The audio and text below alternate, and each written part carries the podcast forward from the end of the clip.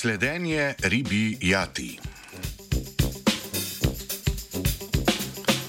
V motni vodi in burnih tokovih, kjer vid in sluh odpovesta, se tjulni pri lovu zanašajo na svoje brke.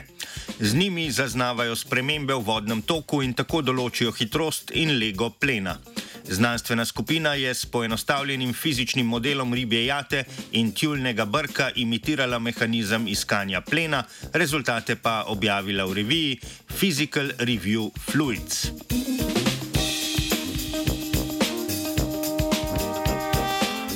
Ko riba plava v vodi, za seboj pušča vrtince, prijati pa se ti združijo v tresljanje toka. Ta pojav so v prejšnjih raziskavah pripisali medsebojni interakciji vrtinčenih tokov mnogih blizu ležečih plavajočih rib. V novi raziskavi pa je znanstvenice in znanstvenike zanimalo, ali lahko prek teh vzorcev tjulen zazna tudi spremembe v hitrosti ali smeri plavanja ribje jate.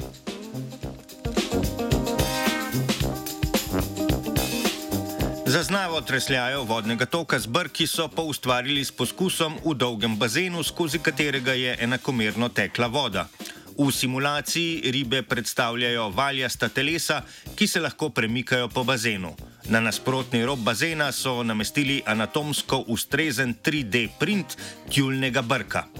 Tega so pritrdili na lahko vzmet, da se je lahko prosto gibal v vodnem toku in ga spremljali s kamero visoke časovne ločljivosti.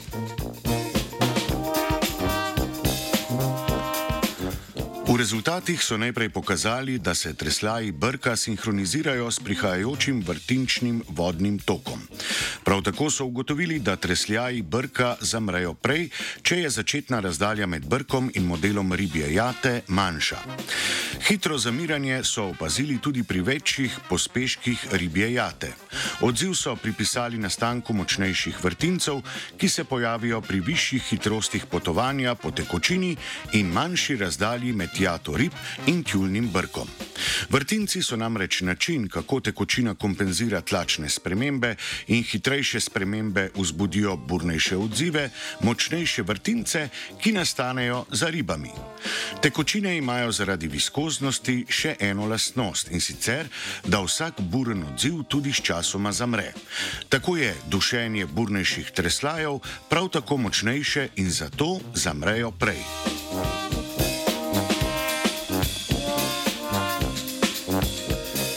Znanstvena skupina je pokazala, da lahko tjulni z brki zaznajo ne le prisotnost ribje jate, temveč tudi spremembe v gibanju rib.